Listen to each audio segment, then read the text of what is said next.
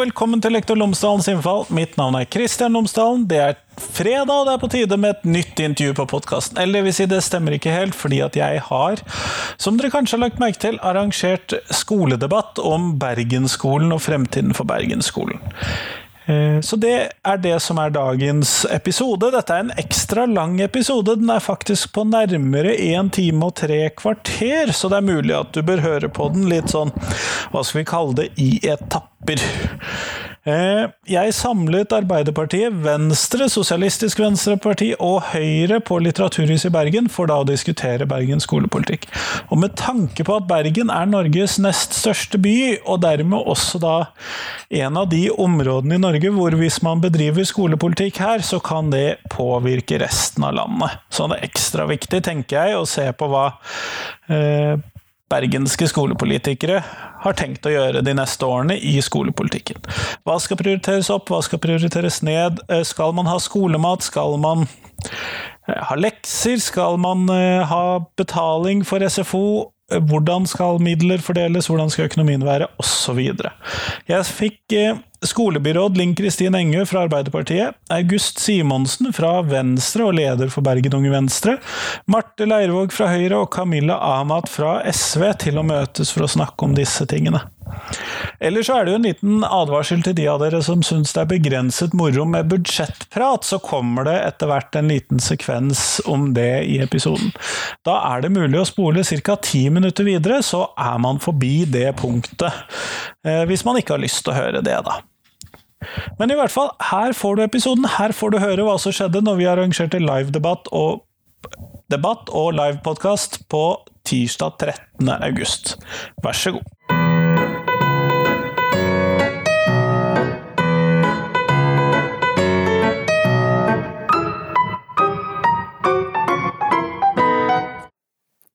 Hei og velkommen til Litteraturhuset i dag. Eh, mitt navn er Kristian Lomsdalen.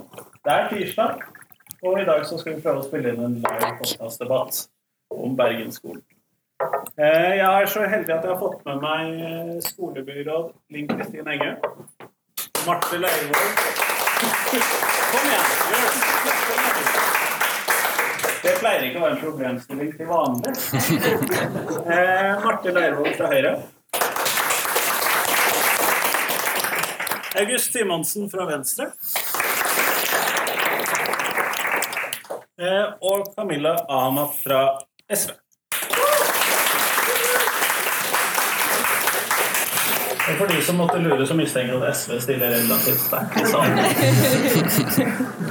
Eh, før vi starter, så har jeg lyst til å takke Litteraturhuset. Og jeg har lyst til å takke Utdanningsforbundet Hordaland, som har vært med å gjøre denne debatten mulig. Eh, og det er jeg veldig glad for. Eh, og med tanke på antall lærere i salen, i hvert fall hva jeg antar, eh, så tror jeg at det er ganske passende. Men før vi starter, kunne vi da ta oss og se hvor mange i salen er det som faktisk er lærere? Kan dere rekke opp hånda? Wow. Ja, men eh, da er det tydelig. Eh, Da kan vi kanskje ta også begynne på programmet. Camilla, du som er, sitter først. Du skal få lov til å starte med å fortelle to ting om deg. Eh, Ja, jeg er Camilla Hamad. Gift trebarnsmor. Har en hund. Eh, ja, og så var det én ting til, og det er det at når jeg har litt fritid til overs, så pleier jeg å lage veldig mye rar mat. Og så har jeg en sånn hemmelig Instagram-konto som jeg poster bilder på. August. Ja, jeg heter August Simonsen. Jeg er 22 år gammel jusstudent. Og så er det jo veldig mange som alltid spør hvor jeg er fra. Så jeg kan si at jeg er født i Oslo, men jeg har bodd i Bergen siden jeg var seks år og gått alle mine skoleår her. Så jeg vet det var jo en del lærere. Så jeg har i hvert fall gått på bønneskole, Stortvedt BHG og Amalie Skram her i Bergen. Marte. Ja, Marte Leirvåg. Altså gift, må venne meg til å si det. Jeg har eh, ett barn. Jeg er odelsjente fra Sogn og Fjordane, eh, men har bodd i Bergen og gått på videregående skole her. Um, og når jeg har litt fritid til overs, så ser jeg gamle episoder av Grace Anatomy. Linn Kristin, jeg glemte å si at du var fra Arbeiderpartiet, men det er du altså. Takk. Hva med deg? To ting. Nei, jeg er som sagt fra Arbeiderpartiet og er skolebyråd i Bergen. Jeg er fra Flaktveit og har gått på Flaktveit barneskole, Breimyr ungdomsskole og Bergen katedralskole. Eh, og så er det to ting om meg som jeg egentlig har lovd å ikke si høyt. eh, Men mine aller største interesser i livet, sånn rent bortsett fra jobb og venner, eh, det er eh, plantene mine på balkongen eh, og mine veldig mange strikkeprosjekter. Kjempeflott. Det er ingen som hører dette da. eh, vi tar samme rekkefølgen igjen, fordi at eh, hvert av partiene skal selvfølgelig få litt muligheten til å si noe uforstyrret helt i begynnelsen. Det tenker jeg er på sin plass. Eh, Camilla, eh, ditt ord er ditt. Ordet mitt. Takk. Jeg må ha litt eh. Men eh, det er altså tre ting som eh, jeg og SV mener er kjempeviktig for Bergensskolen. Og det er gratis SFO, gratis skolemat og heldagsskolen. Og gratis SFO det bør selvfølgelig gjelde alle barn. Uavhengig foreldrenes økonomi. Det er nesten 5000 barn som lever i fattige familier i dag, og vi vet at mange av de er ekskludert fra SFO. Og de er allerede ekskludert fra mange andre arenaer, så jeg skjønner faktisk ikke hvorfor de må nødt til å være ekskludert fra SFO. Og gratis SFO det er inkluderende når det er for alle, og så er det i tråd med den universelle skolen. Og det vil sørge for at alle bergensbarn vil få en lik start på skolehverdagen, og det fortjener de. Og det vil også hindre at vi driver og kaster ut små barn fra skolen fordi at foreldrene ikke har råd eller ressurser til å betale regningen i tide. Og jeg har sjøl vært alenemor med et barn på SFO. og Jeg har vent på den kronen. Og jeg har prøvd å betale regningen i tide, men jeg har alltid vært redd for at mitt barn skulle bli kastet ut av SFO. Og det er faktisk mer belastende det enn å vite fra starten av at du har ikke penger til å gå på SFO. Men jeg vil at alle skal få lov å være med. Og jeg skjønner faktisk ikke at når vi vet at SFO er en så viktig arena, hvorfor vi fortsatt driver og ekskluderer noen. Eh, alle barn fortjener en trygg og god start på skolehverdagen. Og det er også mange barn som da slipper å være alene og slipper å være ekskludert og stå utenfor skolen i SFO-tiden og se inn på de andre når de leker. Det er 30% som er utenfor SFO i dag, som altså drar hjem og er alene eller vinker inn til vennene sine. Det syns ikke jeg er greit. Og så er det en annen ting som er litt interessant med SFO, og det er det at det er allerede vedtatt i Bergen. Og det var på bakgrunn av at SV, Arbeiderpartiet og Rødt vedtok dette.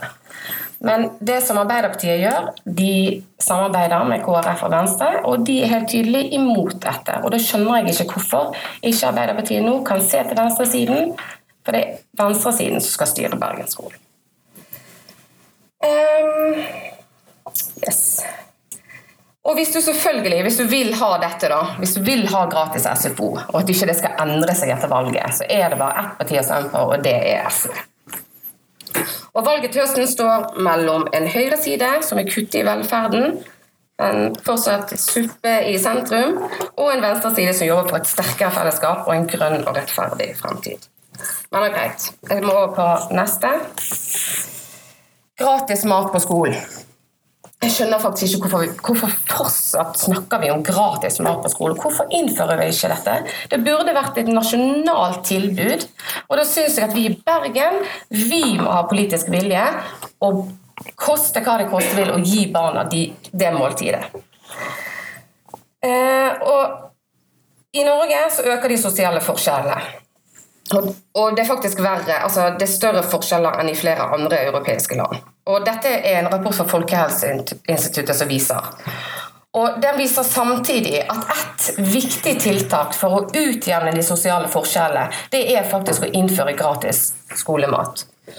Og det vi òg vet, det er at hvis vi skal nå de aller mest sårbare barna, så må det være et folkehelsetilbud som er gratis og til alle.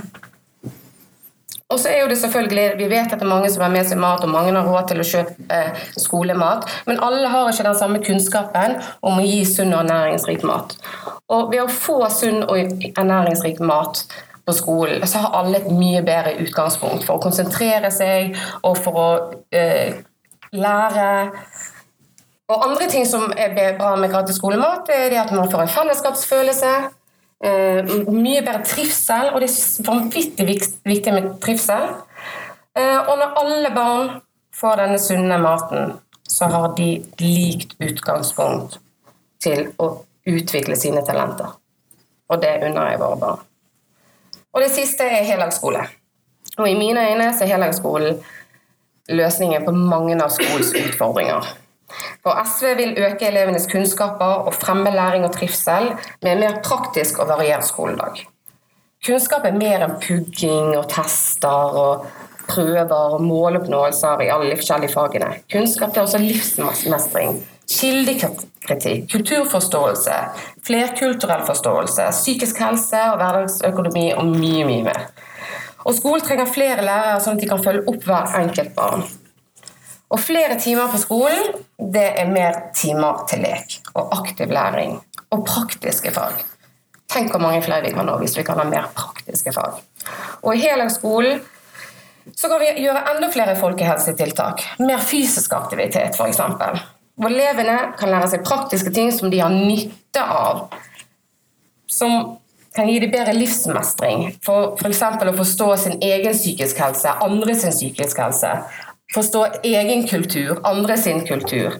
Å være kreativ og ikke minst leke mer. Vi har tatt fra barna så mye lek. Vi trenger mer lek i skolen. Og En heldagsskole vil ikke bare gi elevene en mye bedre skolehverdag, foreldrene òg, og ikke minst lærerne, som vil ha mer tid til hver enkelt.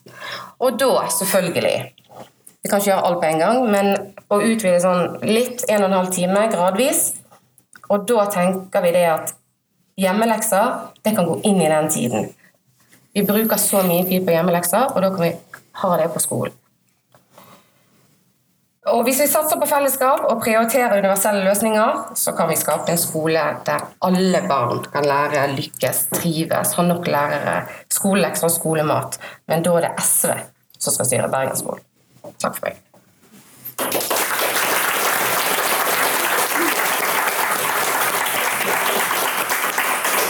Før du får ordet, August, så skal jeg bare si en ting. og det er at uh, Dere i salen får selvfølgelig ta ordet etter hvert, uh, men det kommer sånn Eh, om ca. en liten time. Jeg sier ifra før. Men ha gjerne spørsmålene klare etter hvert.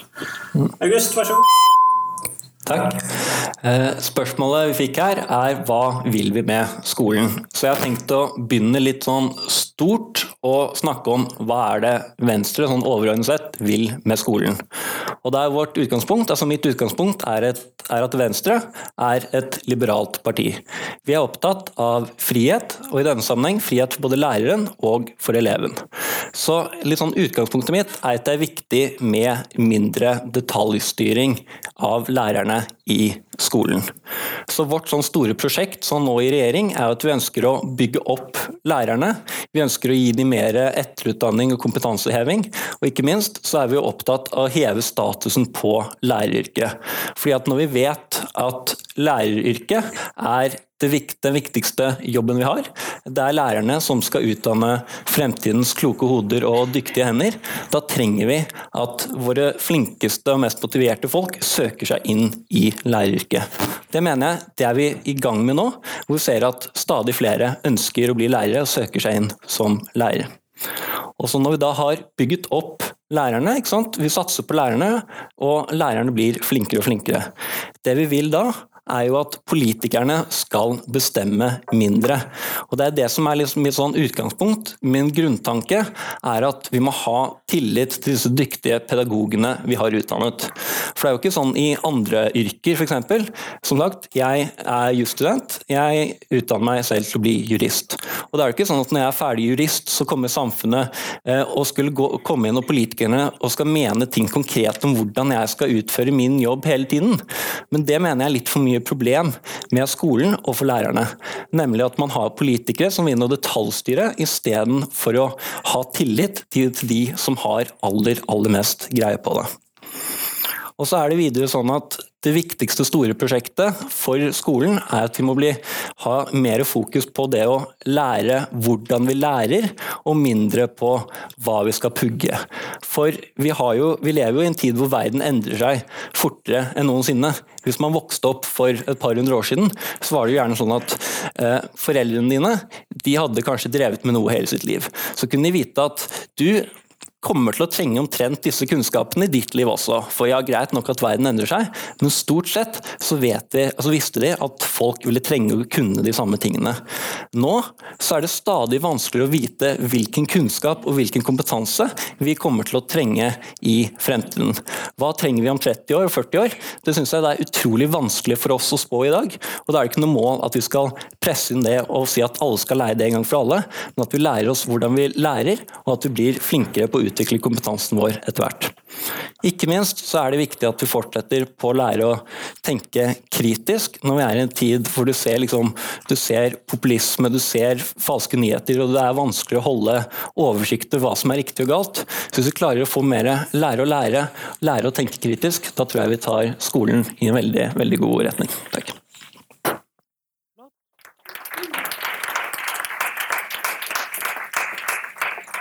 Marte, da er det din tur.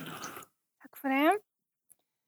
Kunnskap og mestring i skolen er jo en av Høyres aller viktigste eh, lokalvalgsaker i Bergen til høsten.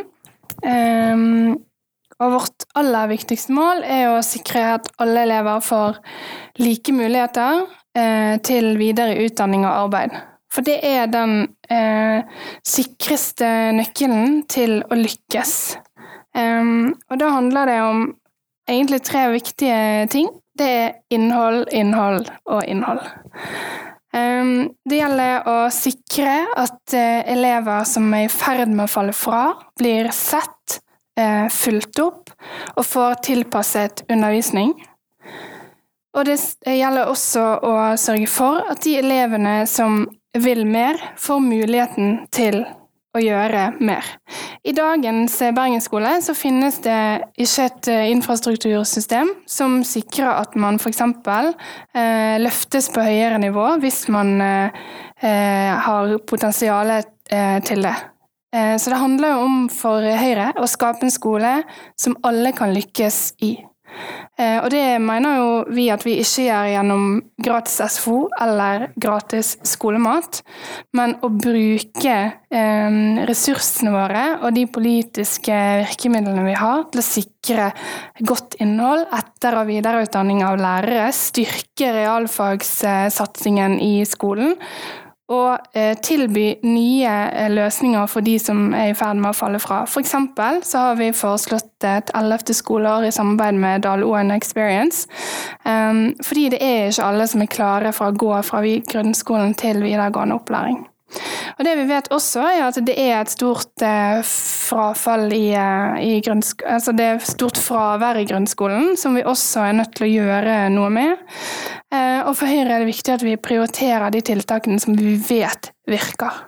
Og bruker vi penger på gratis skolemat og gratis SFO, så er det mindre til flere lærere og tidlig innsats.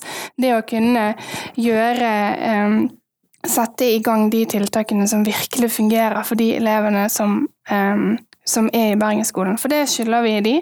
Um, og gi de de beste mulighetene for å lykkes videre i livet.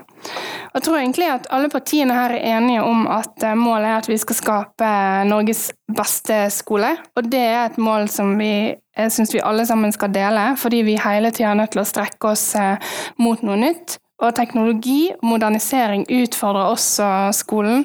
Eh, derfor synes det er spennende at vi prøver å f.eks. tilby koding som valgfag, eller kjøpe flere plasser på Velvite sin sommerskole, rett og slett for å bidra til at man får utfolde seg i større grad når det gjelder eh, skolefag. Og så er det eh, må det ikke være noen tvil heller om at for Høyre er det viktig å sikre at alle elever kan lese og skrive skikkelig. At man sikrer at eh, man eh, får et godt grunnlag for eh, videre utdanning med å satse ekstra på basisfagene. Så med det så tenker jeg at jeg runder av. Kjempeflott.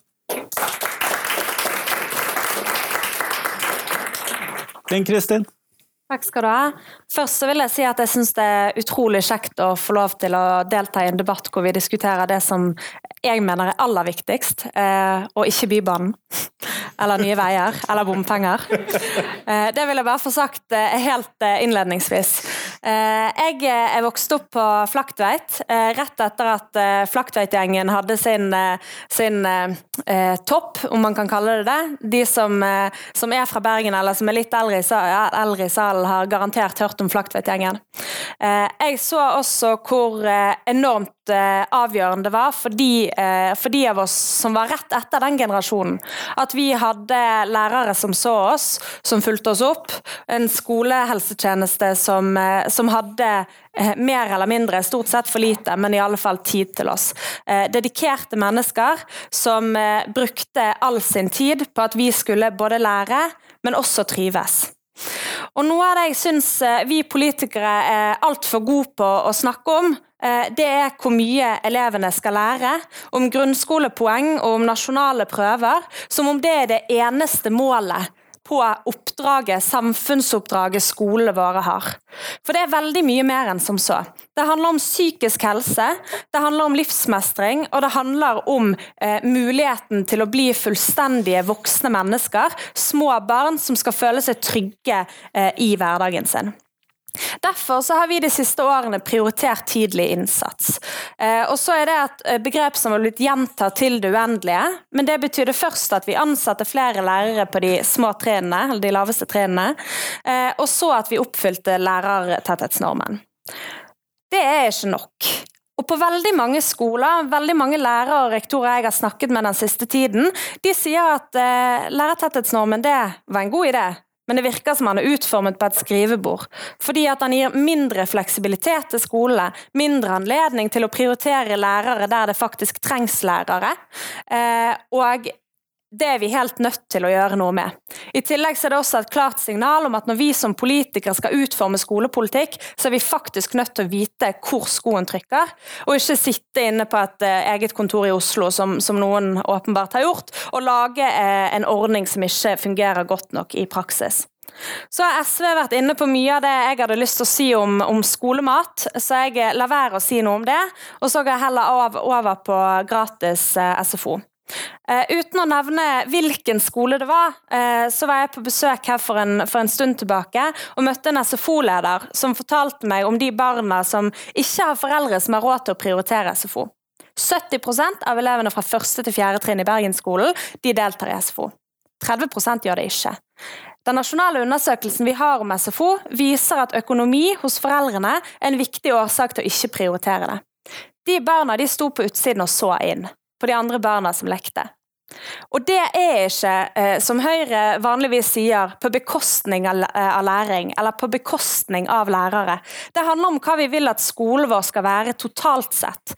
Hvordan vi vil at eh, elever skal inkluderes, og hvordan vi vil at skolen vår skal utvikles i tiden fremover. Det siste jeg har lyst til å komme innom, fordi jeg gjerne vil at vi skal ha mer tid til debatter og spørsmål fra salen, det er skolebyggene våre. I Bergen har vi brukt veldig mange år på å diskutere skolebygg. Det burde være unødvendig. Eh, I går snakket jeg med en lærer som, eh, som jobbet på Varden skole, eh, som i 2011 fikk vite at de plagene de hadde, de hadde fortalt om, eh, de, eh, den irritasjonen de hadde hatt over dårlig inneklima i årevis, at det var avdekket to år tidligere, men holdt hemmelig av det daværende Høyre-byrådet. Vi skal aldri tilbake igjen til en situasjon i Bergen hvor skolebyggene våre råtner på rot, og hvor vi som politikere ikke bevilger nok penger, for det er et politisk ansvar. Derfor har vi bevilget mer til vedlikehold de siste årene, og vi bruker 1 milliard cirka årlig på å bygge nye skoler og pusse opp skolebyggene våre. For vi vet at både lærere som, eh, som har arbeidsplassen sin i bygg som fungerer bra, og elever som har sin skolehverdag i bygg som er sunne, friske og gode, det er også elever som lærer mer, og som trives bedre, og når vi vil at alle elever i Bergen skal ha like muligheter til å lykkes i skolen og kunne gjøre det de vil med resten av livet sitt, så er vi nødt til å sørge for at byggene våre er i orden, at det er nok lærere, og at alle barn føler seg inkludert i skolehverdagen sin. For vi tror at hvis vi alle drar i samme retning, så blir eh, også eh, Bergen til en eh, bedre by, også for de som er fremtidige generasjoner. Takk.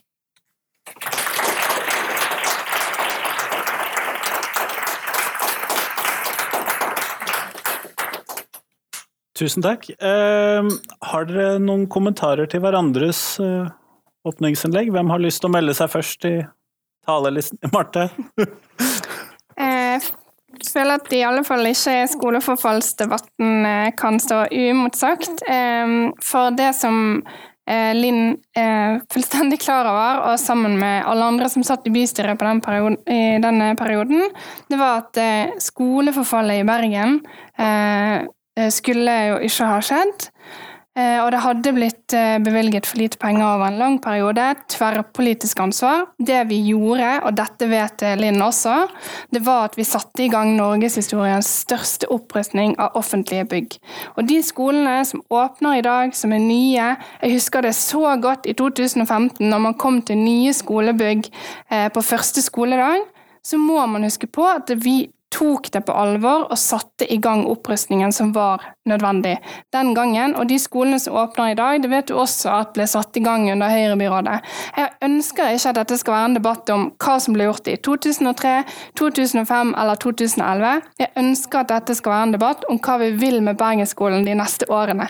For det er det elevene, foreldrene og lærerne er opptatt av nå. Klart vi skal ha gode skolebygg. Det er ingen partier som er uenig i det. og vi, vi hadde et tverrpolitisk ansvar som vi alle sammen gjorde noe med den gangen. Kristin? I 2003, eh, bare for å dra oss litt tilbake igjen, da Monica Mæland vant valget og ble byrådsleder i Bergen, så sa hun til Bergens Tidende at de siste årene var det blitt brukt for mye på skolebygg på bekostning av innholdet i skolen.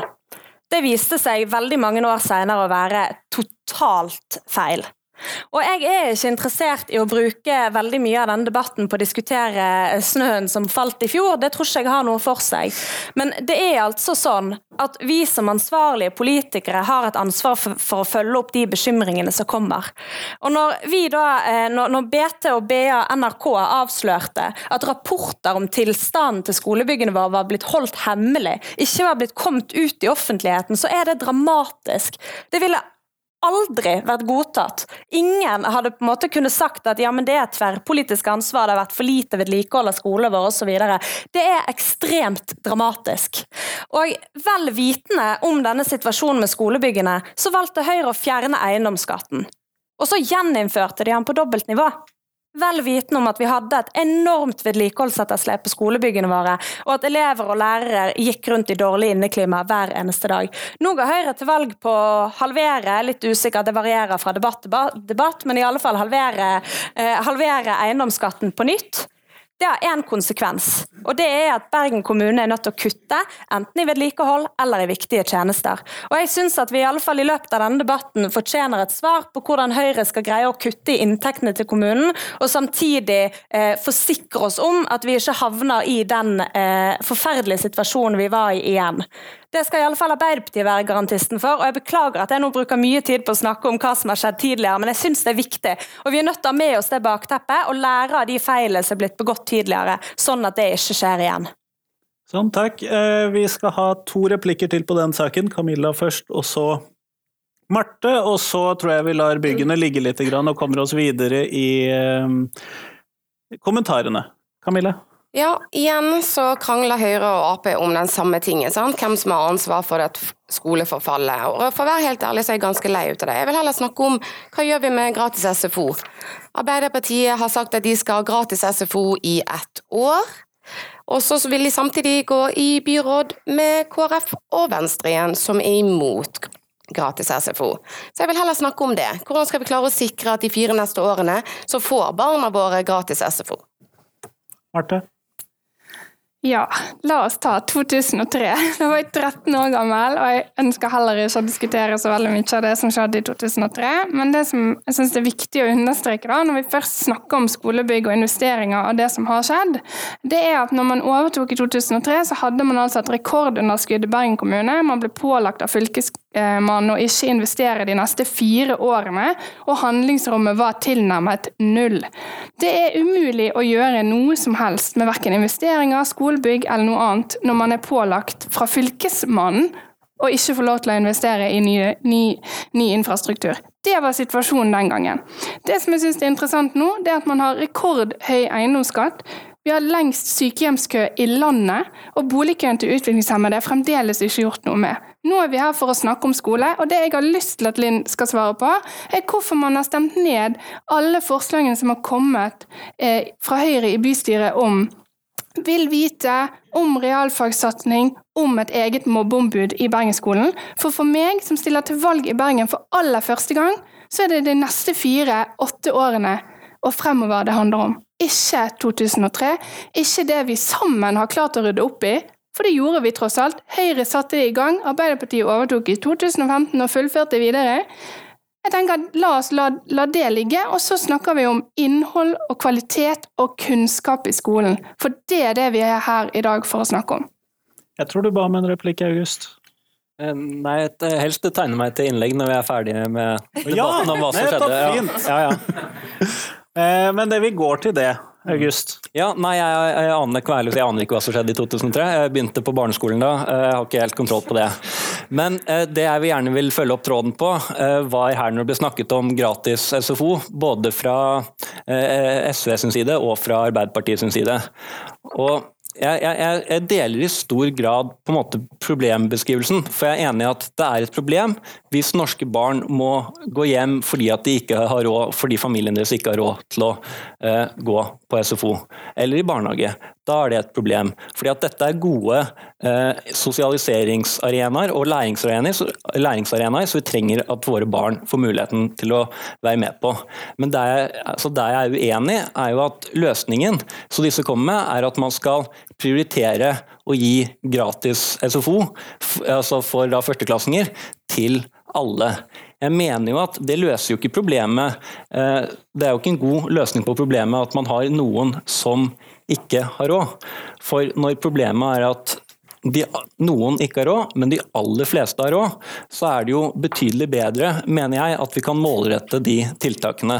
At vi kan prioritere midlene på de som faktisk ikke har råd. For de fleste norske familier har råd til barnehage og til SFO, men da må vi prioritere de som ikke har det. Og Det mener jeg det er noe Venstre har prioritert i regjering. Altså for så skal vi ta barnehage.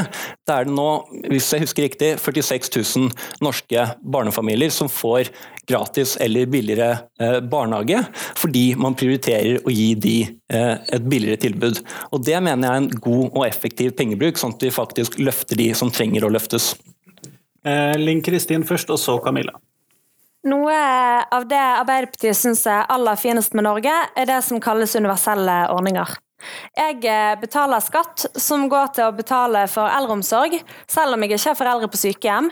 Jeg betaler skatt som går til å betale sykehusregningen til andre, selv om jeg ikke har behov for helsetjenester. Eh, og eh, besteforeldre de betaler skatt som bidrar til å finansiere skole og barnehage, selv om de selv ikke har barn der direkte. Og SFO er også et eksempel på det som burde vært en universell ordning i Norge. Det er noe av det fineste vi har, som bidrar til tillit tillit i samfunnet, og til at vi sammen løfter hverandre. At ikke det er sånn at noen må stå med luen i hånden. I Bergen så har vi innført en, en rabattordning på SFO som, vi, som er en begynnelse på det vi ønsker å gjøre.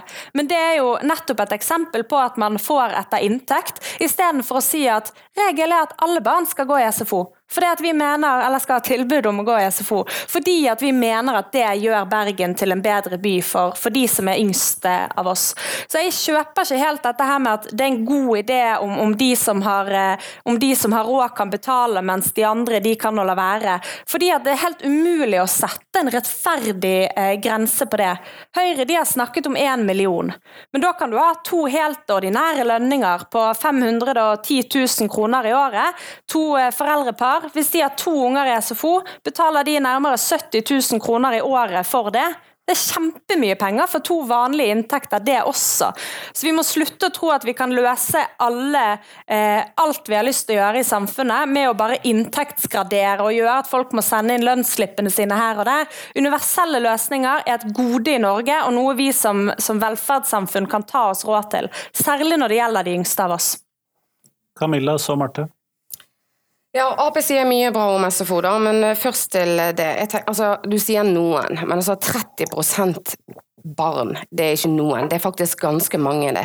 Og jeg syns ikke at vi som et storsamfunn skal ta oss råd til å se hva som skjer med de 30 som blir ekskludert fra en så viktig arena som SFO om noen år, om kanskje det ordner seg. Jeg tror ikke det, vi må ta det nå. Men til Ap, da, som eh, snakker så varmt og fint om SFO. Hvordan eh, hva er egentlig planen for å sikre at eh, det blir gjennomført de neste fire årene, hvis eh, dere går nå på valg til å samarbeide med de som stemmer imot gratis, gratis SFO? Marte Sørling Kristin. Ja, jeg syns jo at eh, jeg syns for det første at um, Venstre var inne på noe som er veldig viktig, og det er å målrette tiltak der det fungerer. For det er ikke, Poenget er ikke å betale regningen til de som kan betale de sjøl. Um, og det betyr at man har mer igjen til andre tiltak. Det som jeg syns er interessant, er at man eh, samtidig som Bergen er den dyreste storbyen å bo i, så skal man gi gratis SFO til alle. Man må heller senke skatt og avgiftstrykket i denne byen og sørge for at flere familier får familiebudsjettene til å gå opp. Um, og vi um, kommer i alle fall til å foreslå å øke den inntektsgrensen, som er ekstremt lav i Bergen. Jeg vet at i Oslo har de foreslått 1 million. Jeg syns at det er uh, i alle fall et bedre tiltak enn 370 000, som jeg tror det ligger på i dag. Jeg er usikker. Da kan du helst sikkert rette opp i det etterpå. Um, men det å øke inntektsgrensen og heller målrette det til de familiene som faktisk trenger det. Linn Kristin? Altså Først og fremst eh, så, så, er det sånn at vi kan, vi kan, målrette alt. Hvis målet er at eh, vi skal ha mer penger til absolutt alt i samfunnet, eh, så kan vi målrette alt. Da kan vi godt betale for sykehusregningen vår, og vi kan betale for skoleplassen til elevene våre. Eh, vi kan betale for det aller meste. Hvis målet er at vi som fellesskap ikke skal bidra til det vi mener er viktig. Men jeg mener helt bestemt, og det gjør Arbeiderpartiet òg, at det er et gode om flest mulig barn får delta i SFO. Og så til SV sin bekymring for, eh, for, Venstre og KrF. Nå er det jo sånn at Venstre og KrF, på tross av at de er mot, motstandere av gratis SFO, har vært med å gi Nå har vi begynt med denne rabattordningen. 150 barn får gratis SFO eh, i år. Eh, SV, nei, Venstre og KrF har også vært med på en andre rekke ting de i utgangspunktet ikke er tilhengere av, som, som rekommunalisering av sykehjem og nei til private i hjemmesykepleien. Eh, og det er jo det et samarbeid går ut på. Eh, at man finner finner løsninger som fungerer for, eh, for, alle. Og jeg er ganske overbevist om at vi skal greie å overbevise de vi måtte samarbeide med etter valget, om at gratis SFO til de yngste elevene i Bergen, at det er en god idé.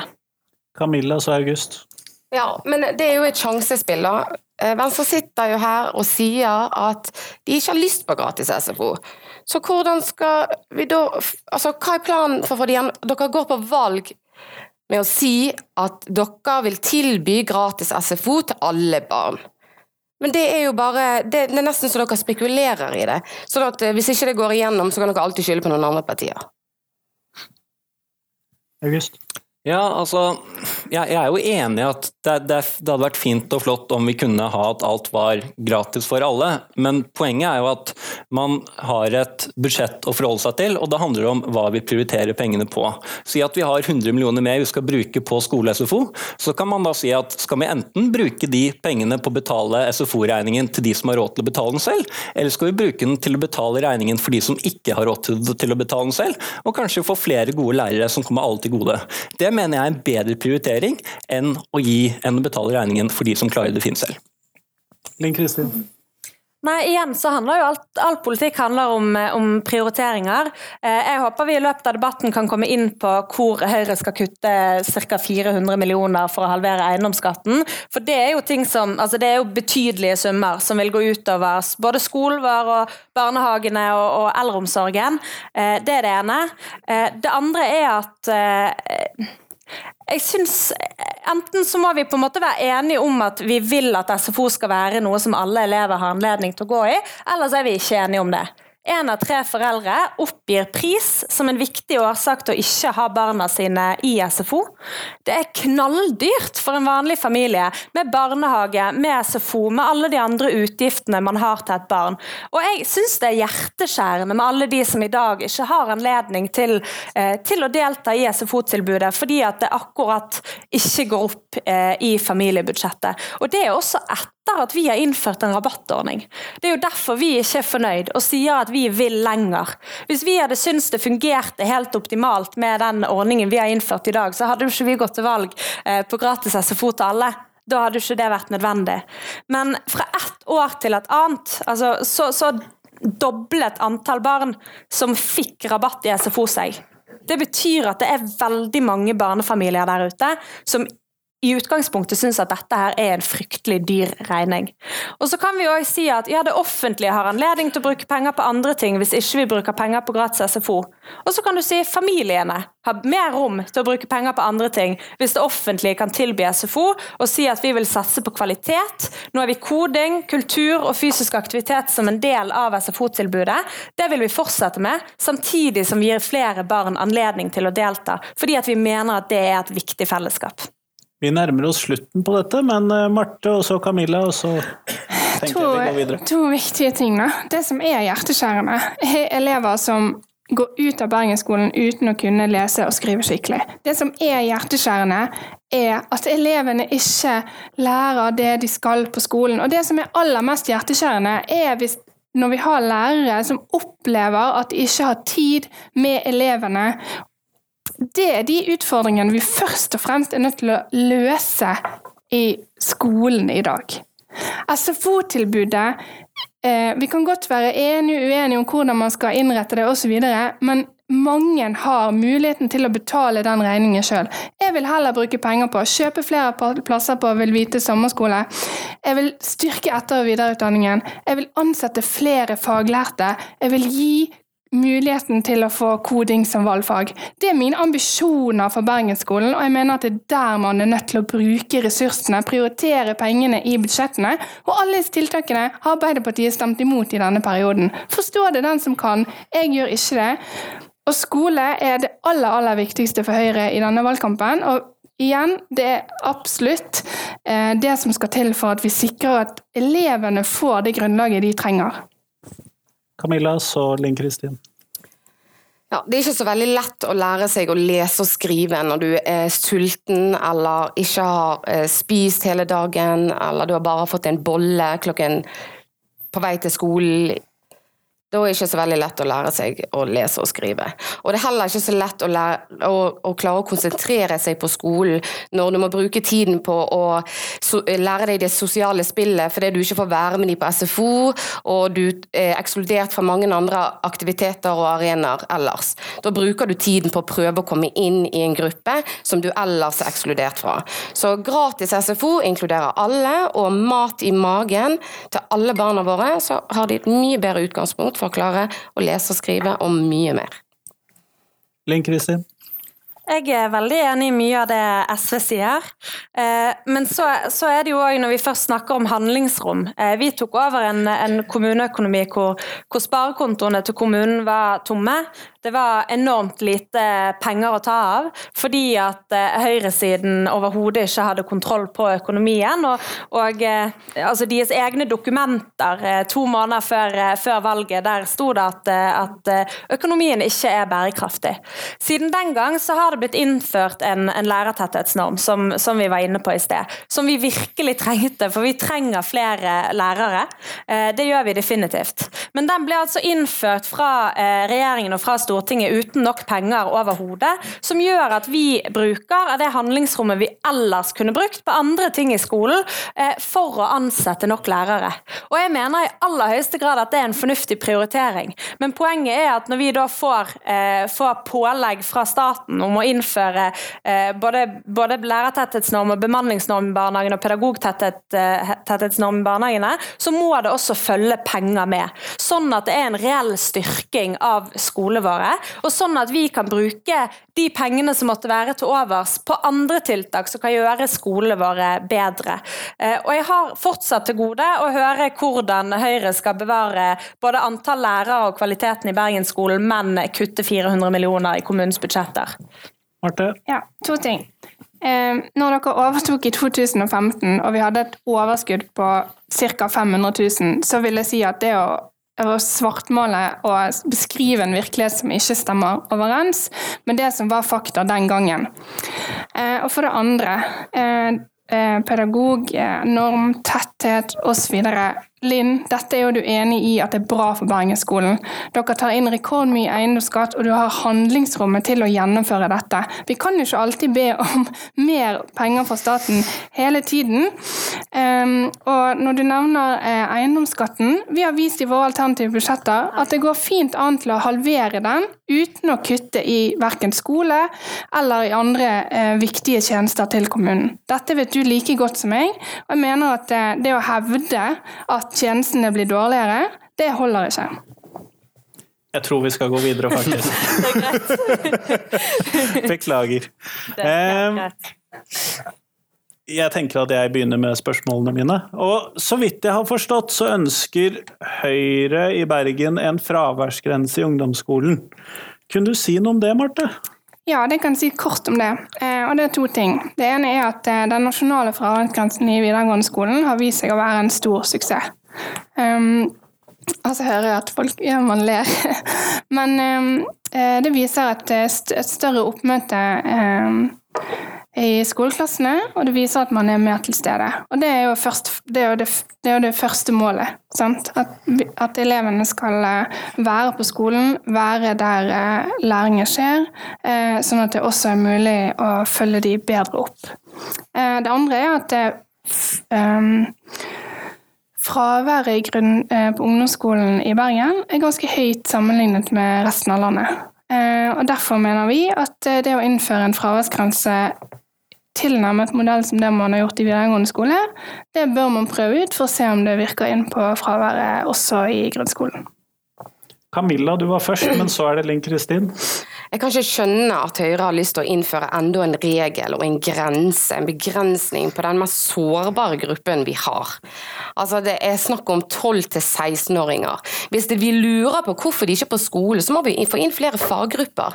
Så må de komme inn. Vi må styrke eh, skolehelsetjenesten i stedet. Og miljø, eh, vernepleiere, miljøarbeidere, de som er inne i skolen, de som skal se barna og spørre dem hvorfor ikke du på skolen, lille venn? Og så må vi finne ut av det og gjøre noe med det. Ikke tre enda en grense nedover hodene deres. De har nok å stri med. Linn Kristin, så Marte. Jeg tenker at, eh, at akkurat fraværsgrensen i videregående kan SV og Høyre krangle om eh, på egen hånd, men det jeg syns er interessant, er at vi sier at, eh, at oppmøtet blir bedre, og det er godt i seg sjøl. Jeg syns ikke oppmøtet i seg sjøl er så veldig interessant, men gjennomføring er, desto, er, vel, er derimot veldig interessant. Spørsmålet vi bør stille oss, er om fem år. Har flere elever fullført videregående skole?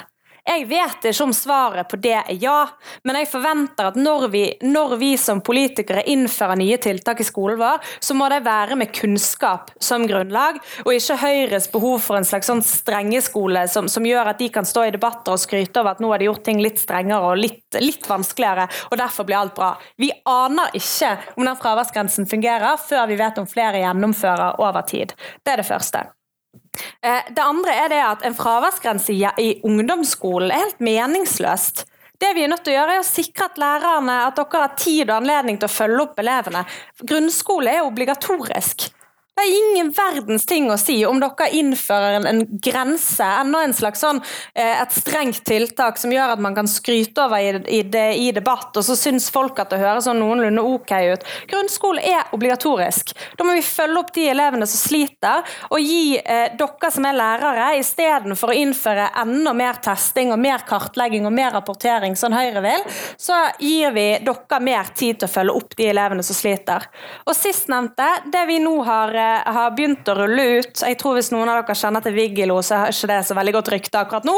Eh, det beklager jeg på det sterkeste. Selv jeg har hørt det, og jeg er i videregående. Ja. Det blir bedre, jeg lover, og vi har vært veldig strenge med leverandøren. Poenget mitt da er Jeg var litt sånn, Skal jeg egentlig trekke dette opp hvis det er mange lærere i salen? Men jeg lover at det blir bedre, og vi har kjeftet grundig på leverandøren. Poenget er at der skal man også kunne se fraværet over tid. Og Det er interessant når vi snakker om skolevegring. For veldig ofte så har det slått oss når problemet har blitt stort, at her, her, har vi egentlig med skolevegring å gjøre. Her er det et større underliggende problem. Men med et nytt og bedre system så kan man altså følge det opp over tid mye bedre, eh, mye bedre enn det vi kunne tidligere. Og så skal jeg love deg at Vigelo skal bli bedre. Marte så August. Ja, Det er jo umulig å vite hva Arbeiderpartiet egentlig mener om fraværsgrensen, og jeg forstår heller ikke hvorfor man er imot det i grunnskolen. Fordi, som SV og Arbeiderpartiet egentlig er helt enige om, og Høyre, vi er nødt til å spørre elevene hvordan de har det. Så ved å ansette flere helsesykepleiere og ved å innføre en fraværsgrense, så er vi jo sikret at vi faktisk får muligheten til å snakke med de elevene som vi trenger å snakke med. Og for det andre, Høyre er det partiet som nettopp har gått ut og sagt at 5000 flere elever skal fullføre videregående skole. Det er et mål de neste årene. Det å ha ambisjoner er jo det første vi må ha. Og så handler det ikke om å være streng, men det handler om å stille krav. Vi må stille krav til elevene, som vi gjør i videregående, og det må vi også gjøre i grunnskolen. Og nei, det handler ikke om at det er et mål om å innføre mer testing. Det handler om at vi skal sikre de elevene som går gjennom grunnskolen i Bergen, at de får det beste kunnskapsgrunnlaget. Og da må de først og fremst være på skolen. August, så Linn Kristin. Ja. Eh, jeg vil bare ta et steg tilbake og komme med en eh, kommentar om en eh, merknad fra budsjettet fra 2003. Nei da. Det, det jeg lurer på, er at jeg tenker jeg kan jo bruke den debatten her til å faktisk lære litt. fordi at jeg sliter faktisk litt med å forstå akkurat hvordan denne fraværsgrensen til Høyre skal fungere i ungdomsskolen.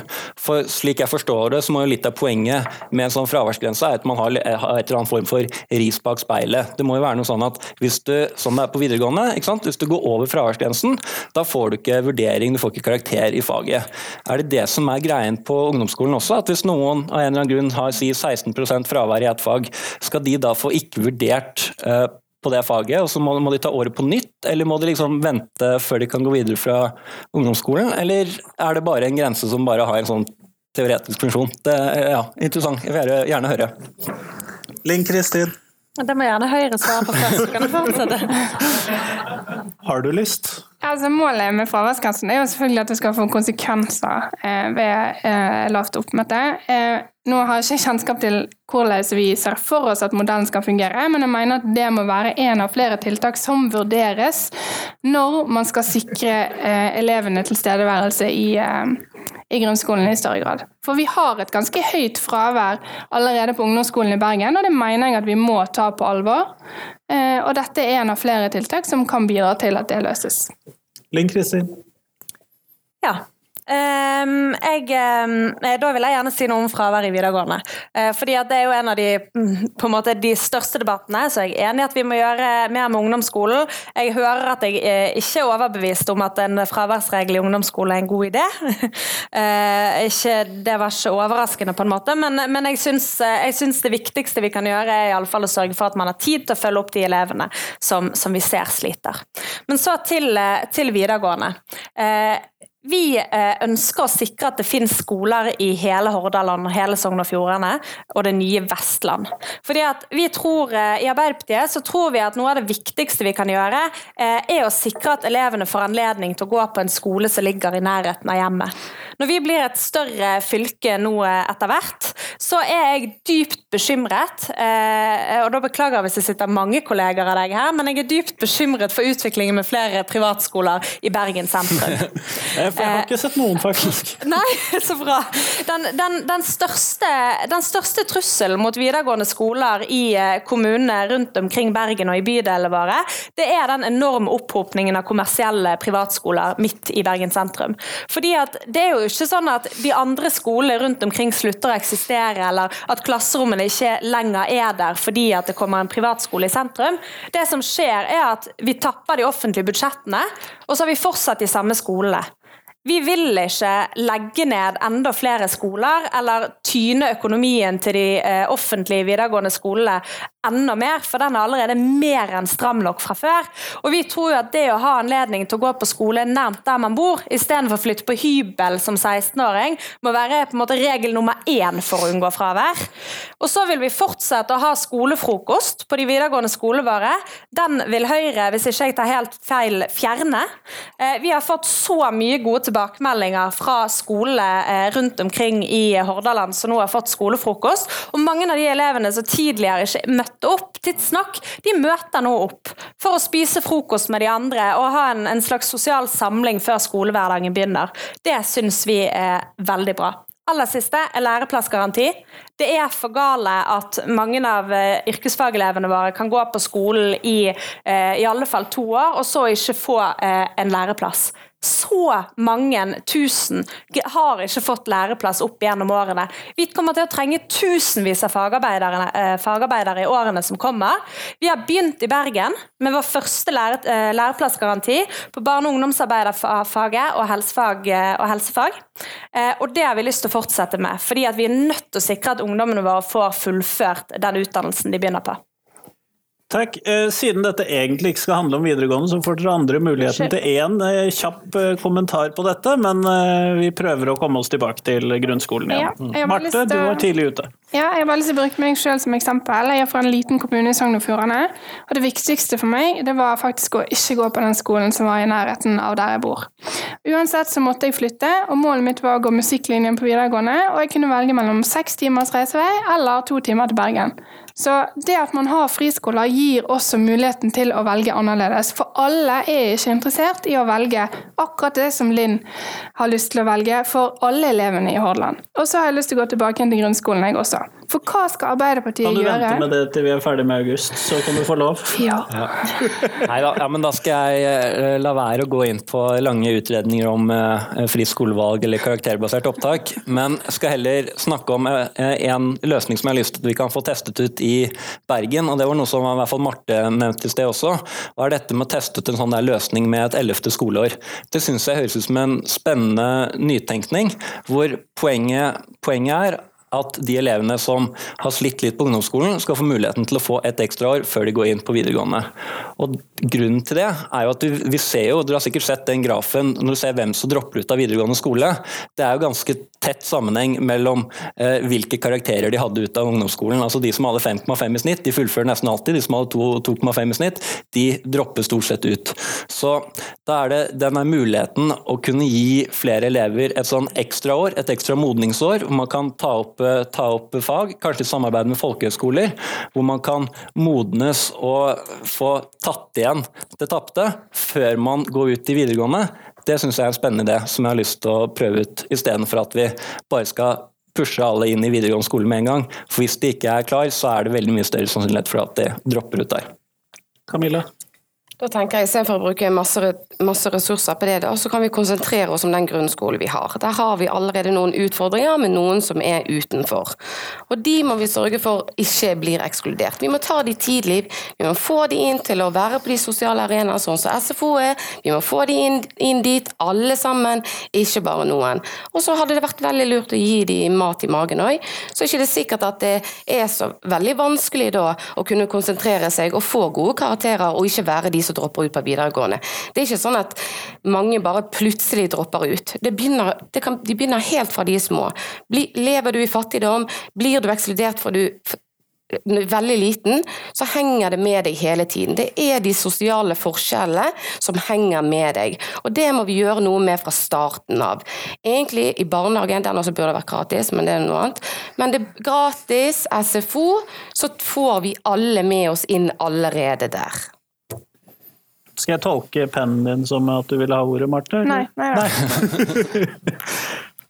eh, flott. Eh, vi klarte nesten å komme oss tilbake til grunnskolen igjen. Eh, det er jeg glad for. Jeg kan diskutere videregående skole en annen dag. Eh, når det kommer til denne etter- og videreutdanningen, som flere av dere har trukket opp, særlig Venstre og Høyre særlig, eh, så foregår det jo ute i Bergen kommune en prioritering av hvilke lærere som får den etter- og videreutdanningen.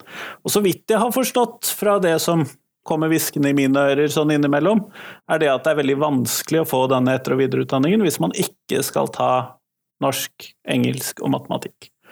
Og da lurer jeg på hva dere forskjellige partiene tenker om denne prioriteringen, om det vil være rom for eh, andre fag, praktisk-estetiske fag, for eh, kulturfagene, annet enn norsk da selvfølgelig, eh, osv. i de neste fire årene for lærerne i Bergensskolen. Skal jeg begynne? Ja, begynn du, Linn Kristin. Ja, jeg, eh, jeg syns at det er en, en, veldig interessant eh, diskusjon. Og vi har hatt et, eh, et Vi har på en måte arvet det, det kan vi godt skryte av Høyre, Høyre, for, men vi har på en måte arvet et, et opplegg som har enormt fokus på, på realfag, særlig. Eh, som, eh, som, vi på mange måter har tenkt er fornuftig å videreføre. Fordi at det er noe med å ikke introdusere veldig mye nye tiltak i skolen hele tiden. Jeg vet at mange allerede syns det er for mye planer og for mye nye ting som skal inn, inn til, en, eh, enhver tid. Men så tenker jeg at nå får vi snart eh, nye læreplaner. Eh, det kommer til å eh, Av en eller annen grunn er ikke det blitt en stor debatt eh, i Norge. Sånn jeg, vi har vært innom sang, og så har vi vært innom enkelte emner man skulle ønske ble nevnt i forbindelse med fagfornyelsen. Men jeg tenker at når vi vet endelig hvordan det skal se ut, så vil jeg gjerne i samarbeid med lærerorganisasjonene, hvis det fortsatt er vi som styrer, ta en diskusjon om det er andre fag vi i tillegg burde tilbudt etter- og videreutdanning på, og se hvordan vi skal innrette det løpet videre.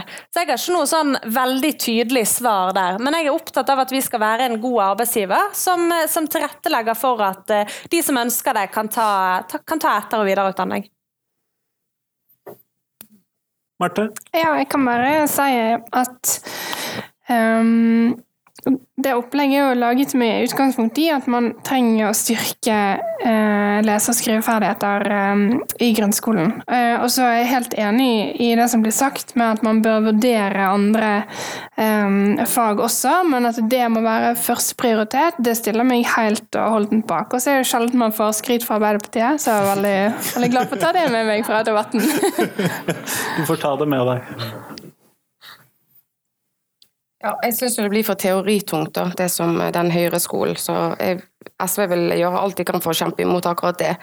Men eh, ja, altså jeg tenker at det må være mye, vi må ha mye mer tillit til lærerne våre. Det er lærerne våre som står der hver eneste dag og vet hvilke behov barna våre har.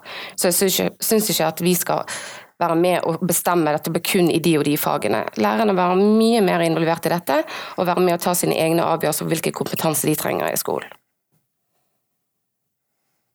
Eh, jeg har blitt hvisket i øret fra mobbeombudet, fordi at mobbeombudet er i Arendal og diskuterer med resten av det politiske Norge. Eh, sånn at jeg har blitt hvisket et spørsmål, og det er Elevundersøkelsen og Olveus-undersøkelsen i Bergen viser at det er store variasjoner fra skole til skole og mellom klassetrinn på den enkelte skole.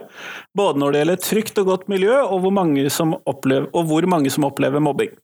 Hvordan vil dere sørge for at alle ansatte på alle skolene i Bergen kjenner til kapittel 9 og følger pliktene sine? Og jeg er litt usikker på hvem av dere som var først, for jeg så ned, men eh, Marte, start. Jeg syns du tar opp et veldig viktig tema. Eh, for det er også sånn at hvis man ikke trives på skolen, eh, så lærer man heller ikke det man skal. Eh, og Derfor syns jeg også det er så viktig at man foreslår å innføre f.eks. mobilforbud, sånn som Kjøkkelvik skole har gjort og har vært stor suksess med. Et eget mobbeombud i Bergensskolen, og at man ansetter flere helsesykepleiere som har tid til å snakke med elevene. Linn Kristin? Bare en liten kommentar om Kjøkkelvik skole. Det de har sagt, eh, og det rektor på Kjøkkelvik skole har sagt, er at suksessfaktoren for det mobilforbudet som de har valgt å innføre, var samarbeid med elevene, foreldrene og lærerne, og at det ville vært vanskeligere å innføre dersom det var toppstyrt, noe som kom ovenfra og ned, som Høyre ønsker. Så det å ta Kjøkkelvik skole til inntekt for Høyres forslag om mobilforbud jevnt over i Bergensskolen, det syns jeg eh, nesten er litt uredelig. Eh, så er det sagt aller først. Tilbake inn til mobbing. Er det én ting vi vet ødelegger liv, så er det mobbing.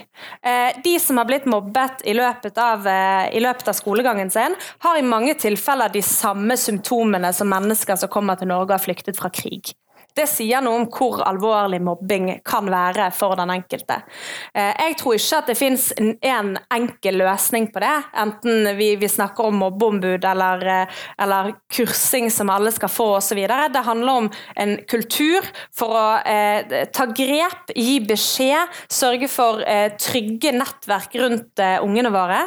Så har vi nettopp levert en, en ny plan som, eh, som heter Skyfritt, fordi at vi vil at, at barna våre skal ha en, en skyfri eh, oppvekst. Veldig eh, ja, flott navn, syns jeg. Eh, og der ønsker vi å introdusere det som heter Team Skyfritt. Som handler om at vi skal bruke forskjellige profesjoner til å ta tak i de utfordringene som finnes dersom det oppstår mobbing. Her skal både skoler, barnehager, fotballtreneren for den saks skyld kunne henvende seg. Fordi at vi vet at selv om vi tradisjonelt sett har tenkt tenkt på mobbing som noe vi er nødt til å løse i skolen, så foregår mobbing i dag på alle mulige arenaer. På mobilen, på PC-en, i skoletiden, etter skoletiden, på fotballtrening eh, og også i barnehagen. Så vi mener at det vi må gjøre, er å gjøre alle voksenpersoner rundt barna ruste til å ta tak i problemene når de oppstår, eh, og virkelig hjelpe eh, elevene våre videre, sånn at alle kan få en trygg eh, oppvekst. Marte, så Camilla. Ja, eh, hvor skal jeg begynne? um, det, du er inne på noe som er veldig viktig. Eh, og det andre jeg å si, er også det at mobbing foregår i stor grad på mobiltelefonen. Sosiale medier er med på å ødelegge veldig mange elever sin hverdag. Jeg husker Det ble en stor diskusjon når Snapchat fikk eh, kartfunksjon, fordi du kunne se eh, at vennene dine var sammen uten at du var med dem. Det er absolutt noe jeg mener at vi kan ta ansvar for i skolen. Og et forbud mot mobilbruk altså, Det handler jo ikke om at det skal komme ovenfra og ned. Det handler om å foreslå noe som vi vet kan fungere, i samarbeid med foreldre, i samarbeid med elevene, i samarbeid med skolene. Og det jeg ikke forstår, er Arbeiderpartiet sitter her og har styrt Bergensskolen i fire år og snakker om veldig mange flotte tiltak for både lærere, elever, innhold og gratis SFO, men de har ikke gjort noe av det. De burde tatt grep og sørget for at man hadde et strengere regelverk for mobilbruk i grunnskolen, fordi vi vet at mobbingen har blitt så digital. Jeg ønsker å utfordre deg, Linn, på hvorfor dere ikke tar større grep. Og jeg syns det er helt riktig å bruke Skikkeløy skole som et godt eksempel, nettopp fordi det har vært en så stor suksess i et samarbeid mellom skolen, foreldrene og elevene. Eh, først Camilla, så Linn Kristin, og om en liten fem minutter så er det også publikum. Ja, Den mobilgreien kan eh, Ap få lov å svare på. Men eh, altså, mobbingen stopper ikke når du er ferdig på skolen. Altså, Om ikke du har mobiltelefonen i klasserommet, så kan du fortsatt bli mobbet på mobilen din når du kommer hjem. Så jeg mener at du trenger flere lærere på færre elever, sånn at de har tid til å følge opp og bli kjent med klasserommet sitt og elevene sine. Få inn flere faggrupper som kan håndtere mobbingen, eh, og ikke minst jeg har så mye å si akkurat om mobbing, men jeg skal prøve å holde kort. Men å få inn flerkulturell forståelse, eh, som eh, kompetanseheving eller fra egne fagpersoner på skole.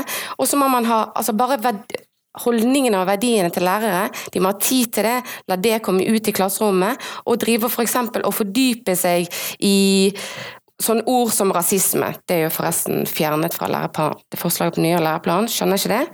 Men å bruke tid på det, da helt fra grunnskolen av jobbe med de forskjellige tingene, sånn at man kan få bedre verdier, jobbe med holdningsendring helt fra starten av.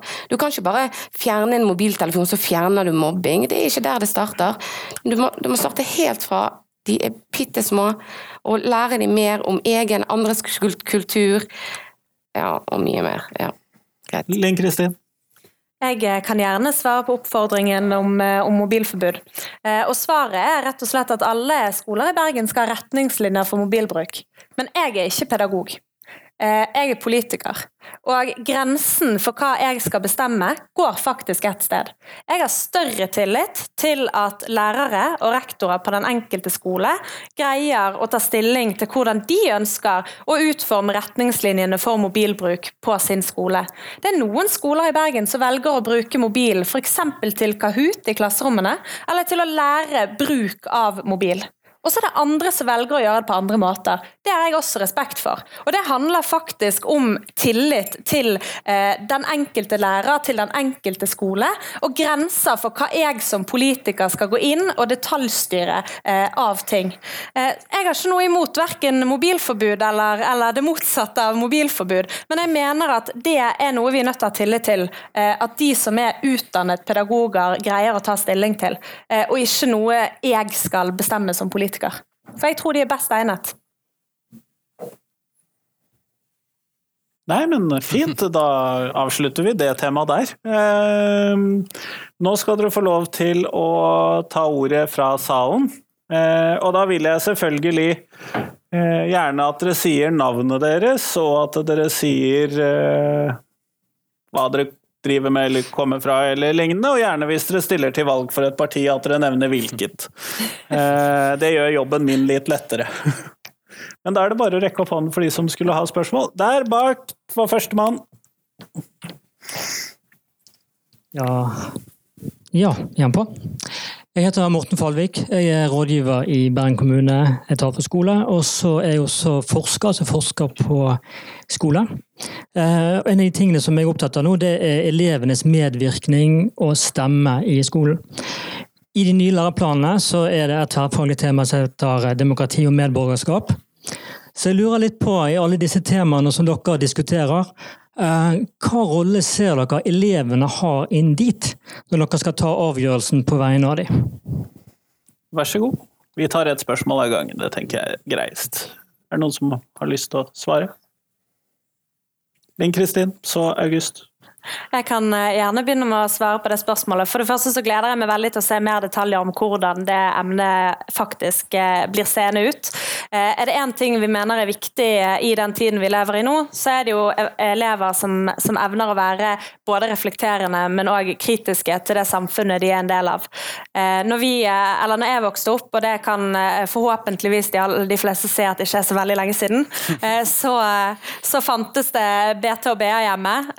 og og eh, jeg begynte så vidt å bruke eh, ja, sol.no og vg.no og nettaviser. Men det mylderet elevene møter i dag eh, av, eh, av, forskjellige eh, typer nettsteder og fake news og det ene og det andre, eh, det er noe helt annet enn det vi har sett tidligere. Og hvorfor mener jeg at det har med, med, med elevenes medvirkning å gjøre? jo, fordi at det sier noe om hva forventninger vi også er nødt til å ha til, til elevene elevene. Eh, jeg er veldig jeg må si at jeg er spent. Jeg, jeg, kan ikke si så veldig mye mer konkret enn at jeg er veldig spent på hvordan eh, vi skal greie å utforme en skole som tar hensyn til eh, det at vi vil at elevene sin stemme skal komme tydeligere frem eh, i årene som, som, kommer. Og da snakker ikke vi kun om, kun om elevråd eller de mer tradisjonelle klassens time og de mer tradisjonelle formene for, eh, for medvirkning. Det handler også om hvordan f.eks.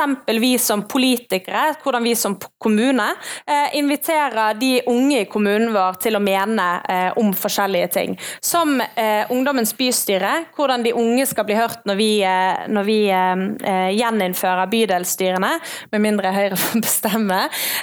og hvordan vi skal greie å løfte de unge stemmene frem. og hvordan skolen kan bidra til at elevene våre blir opplært til hvordan man gjør det. så rent bortsett fra at jeg mener at det er enormt viktig, og at jeg gleder meg til å se hvordan det blir seende ut, eh, så er det iallfall de kommentarene jeg tenkte å knytte til det nå. August? Ja, og det som er Mine kommentarer er at jeg mener dette er sånn et greit eksempel for å illustrere det jeg snakket om i sted. Eh, nettopp at Jeg syns ikke, ikke, at det er politikerne som skal bestemme for mye av dette. Jeg mener at Vi har dyktige fagfolk, dyktige pedagoger, dyktige forskere som sikkert kan ekstremt mye mer om dette enn ja, sikkert oss, jeg hadde ikke meningen å trekke det ned, mer enn meg i hvert fall.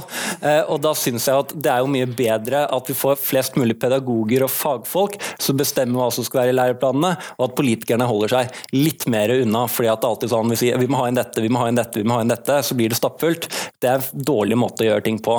Politikerne må klare å liksom holde fingrene litt mer fra fatet, og la de som har greie på det, bestemme mer. Jeg synes det er et godt, eh, godt prinsipp. Camilla? Eh, ja, altså jeg også er veldig spent på hvordan det kommer til å se ut, men jeg tenker at eh, eh, det kan være lurt å bevege seg videre fra de tradisjonelle elevrådene og sånn. Og et eksempel som kanskje kan fungere, som vi trenger mer av i skolen, er at elevene sjøl får bestemme f.eks. med ungt entreprenørskap. Der eh, er det ungdommene sjøl som får bestemme hva de skal jobbe med, hvilken lederstil de vil ha. Eh, og og læreren må være mer sånn tilrettelegger, og du kan ikke planlegge alt like godt. Og, og, og, la de få lov å bestemme på en måte, hvordan skal vi løse denne oppgaven, hvordan skal vi være med og påvirke dette faget i skolen. Kan, altså det kommer garantert til å være mye mer praktisk ja, og veldig gøy for både lærere og elever. Jeg er veldig spent. Dette blir spennende. Marte? Jeg tror at det å se på medvirkning i eh, skolen på en annen måte er veldig lærerikt. Jeg vet selv hvordan det er å sitte i elevråd og, og være engasjert i skolesaker og svømmebassengets åpningstider og hvordan, eh, om man skal ha skolekantine eller ikke. Men det å knytte det tett opp mot eh, fag i større grad, som man gjerne legger opp til nå, det ser jeg som veldig positivt. For det å inkludere elevene mer og sørge for at man mestrer på flere arenaer i skolehverdagen, jeg tror tror jeg er veldig veldig lurt. Og så selvfølgelig må man vente på hvordan det blir seende ut, og utformingen og alt. Men eh, det å se litt fremover og tenke nytt, det syns jeg er veldig bra. Eh, jeg heter Kristin Whitehouse. Jeg er her som eh, mamma. Jeg er mamma til en gutt med autisme som skal begynne i andre klasse på fredag. Eh, og det betyr at jeg er opptatt av spesialundervisning. Det er det ingen av dere som har sagt noen ting om. Og det er gjerne fordi det er jo et, et, lite felt som berører bare noen, og de fleste er gjerne ikke opptatt av det. Jeg er veldig opptatt av spesialundervisning. Eh, og så er det flott å høre om alle ambisjonene dere har for, eh, for Bergensskolen. Jeg støtter både heldagsskole, jeg støtter gratis SFO, og jeg støtter eh, alt som kan gjøre skolen bedre for den enkelte elev. Og så er jeg bekymret for spesialundervisningen. For hva skal skje med spesialundervisningen hvis dere skal innføre eller gjennomføre alt det dere skal gjennomføre? Hvordan skal dere sikre at spesialundervisning faktisk eh, har et godt innhold, at lærerne som gir spesialundervisning, er kompetente? Får den kompetansen de skal, sånn at barna som er faktisk de mest sårbare, for da snakker vi om hjerteskjærene, eh, får eh, det de har både rett på, og som gjør at de kan også delta i samfunnet på, eh, på sitt nivå. Hvordan sikrer dere at ikke skolen bare blir en oppbevaringsplass for, for de barna? Linn Kristin, du var først ute. Eh, tusen takk, Kristin, for at du alltid, alltid tar opp det som vi, eh, vi, er mange som burde snakket mer om. Det setter jeg veldig pris på. Og, ja, det engasjementet du har gjennom Autismeforeningen også er kjempeviktig, eh, og har bidratt til å utvikle Bergen, virkelig. Når det er sagt, så, så, vil jeg gjerne si noe, noe generelt om, om spesialundervisning. og det handler om, om hvordan det øker. Eh, fordi at vi snakker eh, ganske lite om det, men, men eh, atferdsproblematikk i skolen, det vet antagelig alle dere som jobber på, på skoler, er en, en, økende utfordring. Og det kom i forbindelse med, med, to lovendringer, vi trenger ikke gå inn på det nå, blant annet, men, men, vi vet at det kommer til å bli en utfordring i, i årene som kommer, både for dere som jobber i skolen, men først og fremst for de elevene som trenger enda mer nær og tilpasset eh, undervisning. Eh, så fikk vi jo Nordahl-rapporten for eh, ikke så eh, veldig lenge siden, et år er det vel, eh, som sier noe om behovet for å starte tidlig. For det er jo et paradoks. Altså, det vil alltid være en, jeg, vil, jeg vil tro at det vil være noen som vil ha behov for spesialundervisning i hele løpet, men det er et paradoks når eh, grafen for spesialundervisning er her nede på de yngste trinnene og her oppe på de eldste trinnene. Eh, for eh, det barne- og elevsynet vi legger til grunn i Bergen kommune, innebærer eh, jo at vi forsøker på integrering lengst mulig, og forsøker å dra kompetansen inn i klasserommene. Og målet har lenge vært at vi skal ha ned antall timer fordi det fungerer for. Ehm, så jeg vil si at jeg mener det aller viktigste er at vi sørger for at det er nok ansatte på PPS-ene og PPT i de ulike bydelene. Så vet jeg at vi begge to har en, en drøm om å styrke fagteam autisme. Og bidra til at lærerne både har kompetanse, tid, ikke minst tid, og kapasitet til å følge opp hvert enkelt barn, og særlig de som har ekstra utfordringer, og de vi nå ser har, har noen særskilte atferdsproblemer, som, som, det blir mer og mer av uten at det nødvendigvis kan knyttes en konkret diagnose til det. Camilla? Ja, og så må vi ikke legge ned spesialskoler sånn som Tveiterås, da. Og så må vi rehabilitere Tveiterås skole der som Tveiterås skole er. Og da tenker jeg at da må vi høre på de foreldrene som har denne kompetansen. Og ikke vente så utrolig lenge med å ombestemme seg og beholde spesialskole som vi har. Og jeg tenker at det er nøkkel. Hvis vi skal bli enda bedre på spesialundervisning, så er det, det er så mange forskjellige barn med så mange forskjellige behov. Og de som kjenner barna best, det er foreldrene. Og da må foreldrene inn. Da må vi som politikere være flinke til å snakke med de det faktisk gjelder, og ikke snakke over hodet på de. Så må vi invitere de inn i de samtalene, sånn at løsningen kan bli best mulig for alle. Marte og så Linn Kristin, og så prøver vi å være litt kort, så får vi et par spørsmål til. Ja, jeg syns jo også det er kanskje noe av det aller viktigste man gjør. Å ta vare på uh, de elevene som trenger det litt ekstra. Men også sørge for at man har eh, nok lærere og er, eh, har god nok kompetanse.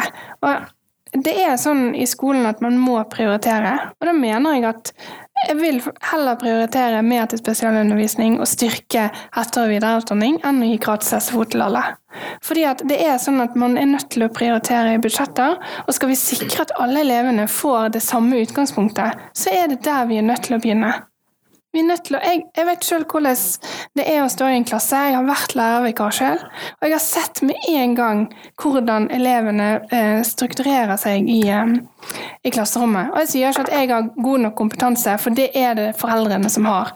Men vi er nødt til å i, i alle fall sikre at når vi eh, bestemmer um, satsing fra politisk hold, så må det være med utgangspunkt i at alle elevene skal lykkes, uansett hvilke behov man har.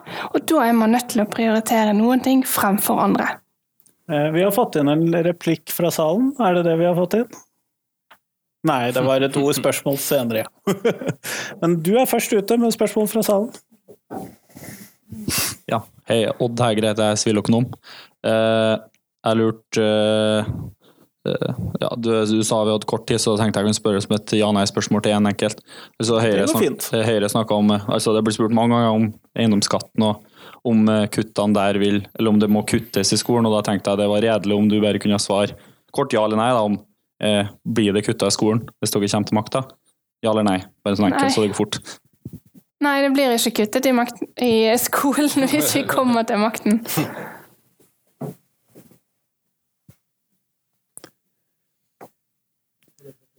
Jeg tror det er Håkon. uh, hei, uh, Håkon Mulnjå heter jeg. Uh, stiller til valg og jobber i, med IT. det er et spørsmål særlig til, til SV. Det. og det det gjelder, det er egentlig dette med leksefri skole og standardisert testing. jeg har en gutt som har lese- og skrivevansker. Det tok mange år før skolen anerkjente problemet, plukka opp hva som var gærent, og han fikk hjelp. Jeg tenker at For oss som foreldre så var det helt avgjørende at vi kunne følge opp han i, daglig, altså i hverdagen. Se hvor dårlig det gikk med leksene, se hvor dårlig det gikk på de standardiserte prøvene. At det var helt avgjørende for at han fikk den hjelpa som han nå har fått. Når dere vil ta bort lekser, og jeg tror du er litt skeptisk til standardiserte prøver også, så lurer jeg på om du kanskje har noen refleksjoner rundt dette her? da, At du tar vekk en del av de sikkerhetsventilene vi som foreldre har inn mot skolen?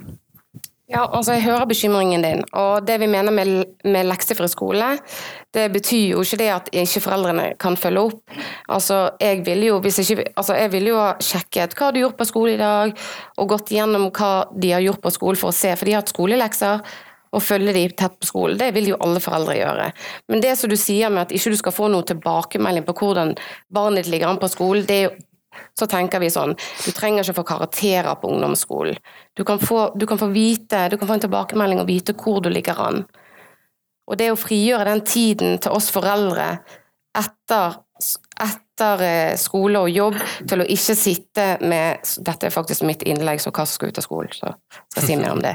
Men eh, det, det, betyr jo ikke at ikke vi skal følge opp, men å få den tiden til å faktisk snakke med barnet om hva som er utfordringer på skolen. Jeg vil ha tilbake den tiden til å ha den gode samtalen med barnet. Og det finner jeg nesten ikke tid til, i hvert fall ikke når jeg er tre. Fordi vi må bruke veldig masse tid på lekser.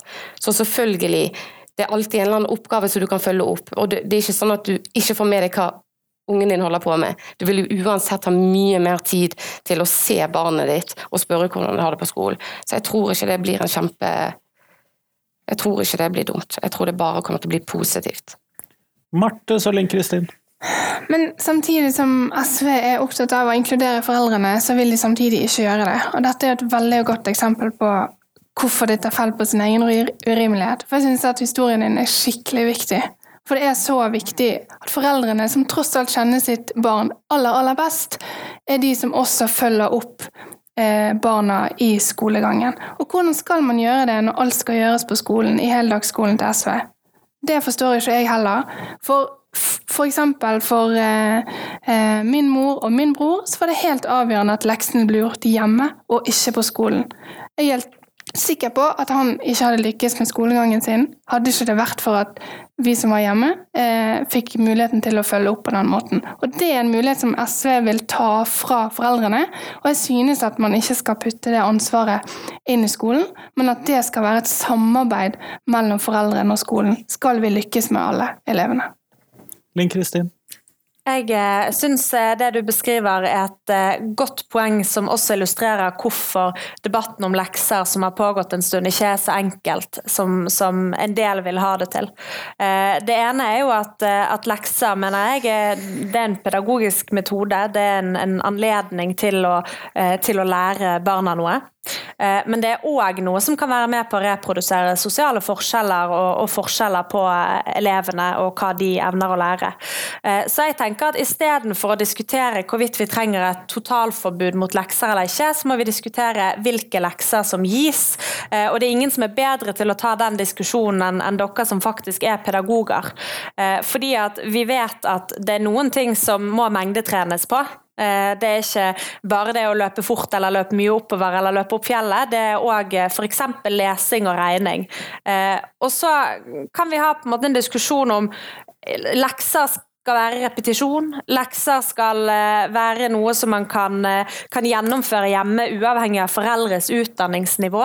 Og Det tror jeg er en fornuftig diskusjon vi kan ha, som gjør at man, man også vil ha anledning til å fange opp hvis, eh, hvis sønnen eller datteren sliter, men som samtidig ikke griper inn i det jeg mener må være lærerens anledning til å bestemme hvordan man, eh, man, eh, man utformer leksene, og hvordan man repeter, repeter, repeterer, heter det, fagstoffet. Når jeg gikk i fjerde klasse, så, ikke, så var pappa vekke to-tre måneder om gangen på jobb. Eh, måneder om gangen.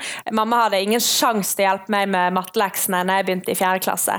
Eh, og jeg, jeg, var ingen unge som slet på skolen, men det er jo illustrerende for at jeg da kom, da kom jo jeg på skolen uten å ha gjort disse leksene tilstrekkelig nok, fordi at det jeg fikk med meg hjem, det var nytt pensum. Eh, det var ikke ting vi hadde vært igjennom tidligere. Så jeg syns heller vi kan ha den diskusjonen. Nei, hva skal leksene være, og hvordan gjør vi det best mulig? Eh, og aller helst sammen med dere som, eh, som er ute i skolen og er lærere og, og, vet mye om hvordan vi bør gjøre dette. Camille? Ja. Altså, jeg tror ikke Altså, dette ja, det er komplisert. Men jeg tror ikke at standardiserte svar på og at det er det skolen gir eh, foreldrene om sine barn funker på alle barn. Alle barn er forskjellige, og jeg mener at det er mye viktigere at det lærerne tid til å se alle elevene og komme med en grundig tilbakemelding. Og jeg tror at det ville blitt plukket opp, den utfordringen som barnet ditt har, mye tidligere hvis lærerne hadde hatt bedre tid til å se hver enkelt. Og når det gjelder de ressurssterke foreldrene som er så flinke å hjelpe barna med leksene, absolutt. Og de ressurssterke foreldrene kommer alltid til å gjøre det. Men dette handler faktisk om de barna som ikke har de ressurssterke foreldrene hjemme, som trenger å kunne gjøre leksene sine på skolen og få kyndig hjelp av lærere som vet hva de sliter med. Og at de kan få hjelp til å gjøre leksene på skolen. Og det vil bli et mye bedre utgangspunkt for enda flere barn, ikke bare noen.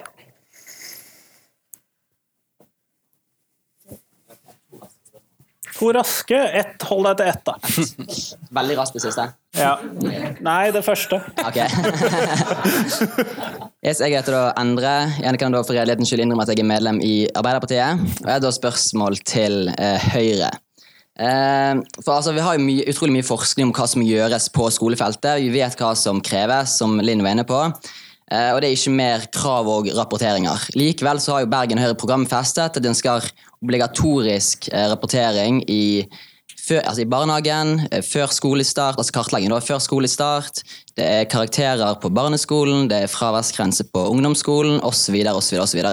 Samtidig så står det også i programmet at dere ønsker mindre byråkrati og mindre krav og rapportering i grunnskolen. Er du enig i at dette ikke henger på grep? Dere andre får ikke ordet nå, for nå prøver jeg å være litt kjapp.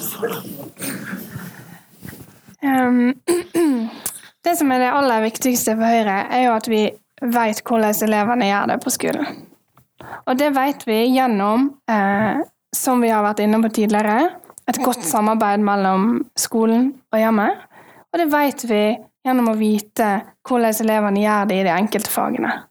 Jeg tror at eh, de som sitter i salen her, eh, alle vi som er veldig opptatt av, eh, av skolen i Bergen, eh, også vil gjøre det på en best mulig måte for elevene. Men vi kan ikke ha det sånn at vi ikke har lyst til å gjennomføre tester eller ha prøver i grunnskolen eller prøve ut karakterer. Fordi det er faktisk sånn at det er mange elever som ikke møter på skolen, som sliter med å lese, skrive og regne. Og jeg tenker at som politiker da, så må jo det fremste målet være å sikre nettopp de elevene den skolegangen de fortjener.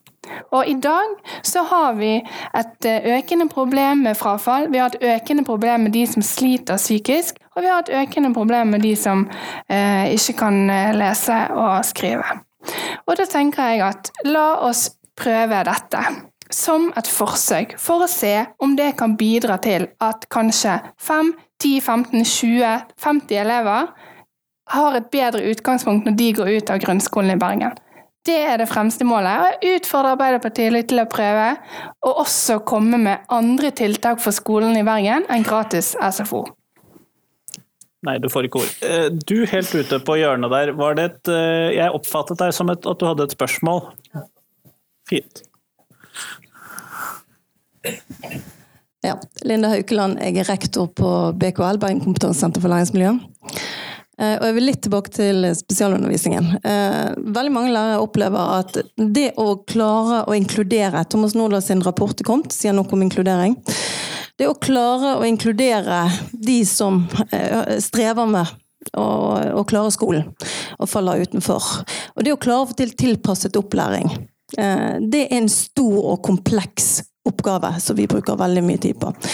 Eh, dere har svart litt. Det er mange, for det er, det er elever som har sammensatte vansker. Store, komplekse sammensatte vansker.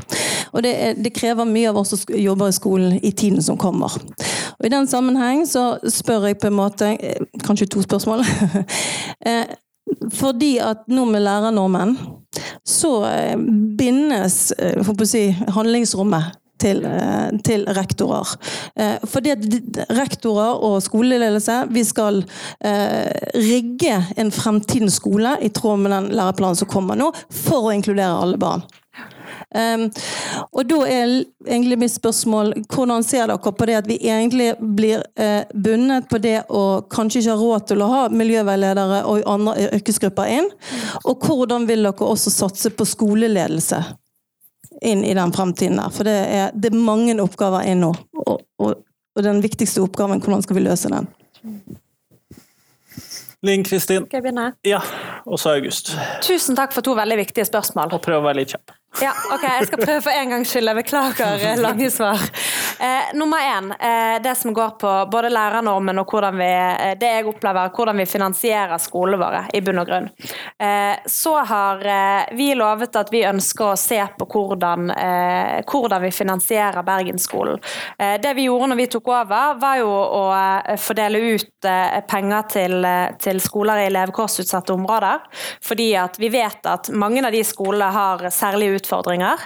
Så ble lærertetthetsnormen innført, og akkurat som du sier, enormt mye av handlingsrommet ble spist opp. Og det er det jeg mener når jeg kaller det for en, skrivebords, eh, en skrivebordsnorm, så er det det jeg mener. Fordi at den tar ikke høyde for at eh, behovene ved forskjellige skoler er forskjellige, og behovene kan variere. eh, Avhengig av hvilke elever som er der, og også hvilke lærere som er der. Så jeg mener at vi er nødt til å se på hele finansieringen av skolen på nytt. Det innebærer også hvordan vi f.eks. Eh, eh, tildeler altså kall, eh, toppressurs, men, men altså hvordan vi faktisk gir skolene rom. Eh, både til eh, spesialpedagogikken og spesial, eller spesialundervisning når, eh, når det er behov for det, men òg hele skolen. Fordi at den modellen vi har i dag, den mener ikke jeg tar godt nok opp i seg at vi har en ekstremt rigid norm som vi uansett er nødt til å ta hensyn til. Det er det første. Det andre, og nå skal jeg være kjempekjapp, eh, er at vi er nødt til å styrke eh, mener vi er nødt til å styrke laget rundt, eh, rundt rektor, rundt avdelingslederne. Vi vet at det også bidrar til å løfte resten av lærerne på skolen. Jeg er opptatt av at den spesialpedagogiske kompetansen er nødt til å løftes enda mer enn det han gjør i dag. Når vi ser den utviklingen som er nå, eh, så er vi helt nødt til å sette inn støtet. Nå jobber vi med en ny eh, spesialpedagogisk eh, plan for Bergen. Det kommer til å bli enormt spennende, og der er vi jo nødt til å, å virkelig meisle ut hva vi mener skal være fremtidens spesialpedagogikk i Bergen. August, du hadde lyst til å si noe? Ja, eh, jo, for, for det jeg vil si at eh, jeg syns jeg har fått et par interessante spørsmål her om spesialundervisning, spesialundervisning, eh, skoleledelse og konsekvensene konsekvensen og effekten av lærernormen. Eh, og så Grunnen til at jeg ikke har sagt så veldig mye om det, er at jeg skal være ærlig og si at jeg har ikke, føler ikke har et godt nok detaljkunnskapsnivå. Så istedenfor at jeg sitter her og leverer et eller annet politikersvada, så vil jeg heller lytte, og så skal jeg være igjen her etterpå. Så hvis noen har noen innspill, så vil jeg veldig gjerne høre det etterpå. Hei, Jan Inge 13 heter jeg. Eh, skal heldigvis ikke stille til valg, men jeg sitter som FoU-leder på Rolland skole. Eh, Prøvd å, å, å, nå å formulere to spørsmål i ett, ikke sikkert jeg klarer det. Eh, En ting som, To ting som ikke har vært nevnt så mye her, det er innpakning av skolen. Vi har snakket mye om innhold, ikke så mye om innpakning. Og Da har vi to, to små nøkkelbegrep for mitt vedkommende. Hjertesone og basisskole. Eh, Vi har en liten ufordring med at vi har litt bygging i nærheten av skolen. Jeg Fikk et freidig svar på et eh, høringsutkast som vi hadde, om at det eksisterte jo ikke noe hjertesone rundt Jåland skole, så det var vel ikke noe vi trengte å hensyn til. Det var min frie tolkning. Eh, Så jeg har litt lyst til å høre hvordan eh, vi skal klare å ivareta hjertesone, eh, utover det at vi bare har vedtatt at dette er bra. Eh, Så har vi et nytt skolebygg som egentlig skulle stått ferdig i 2018.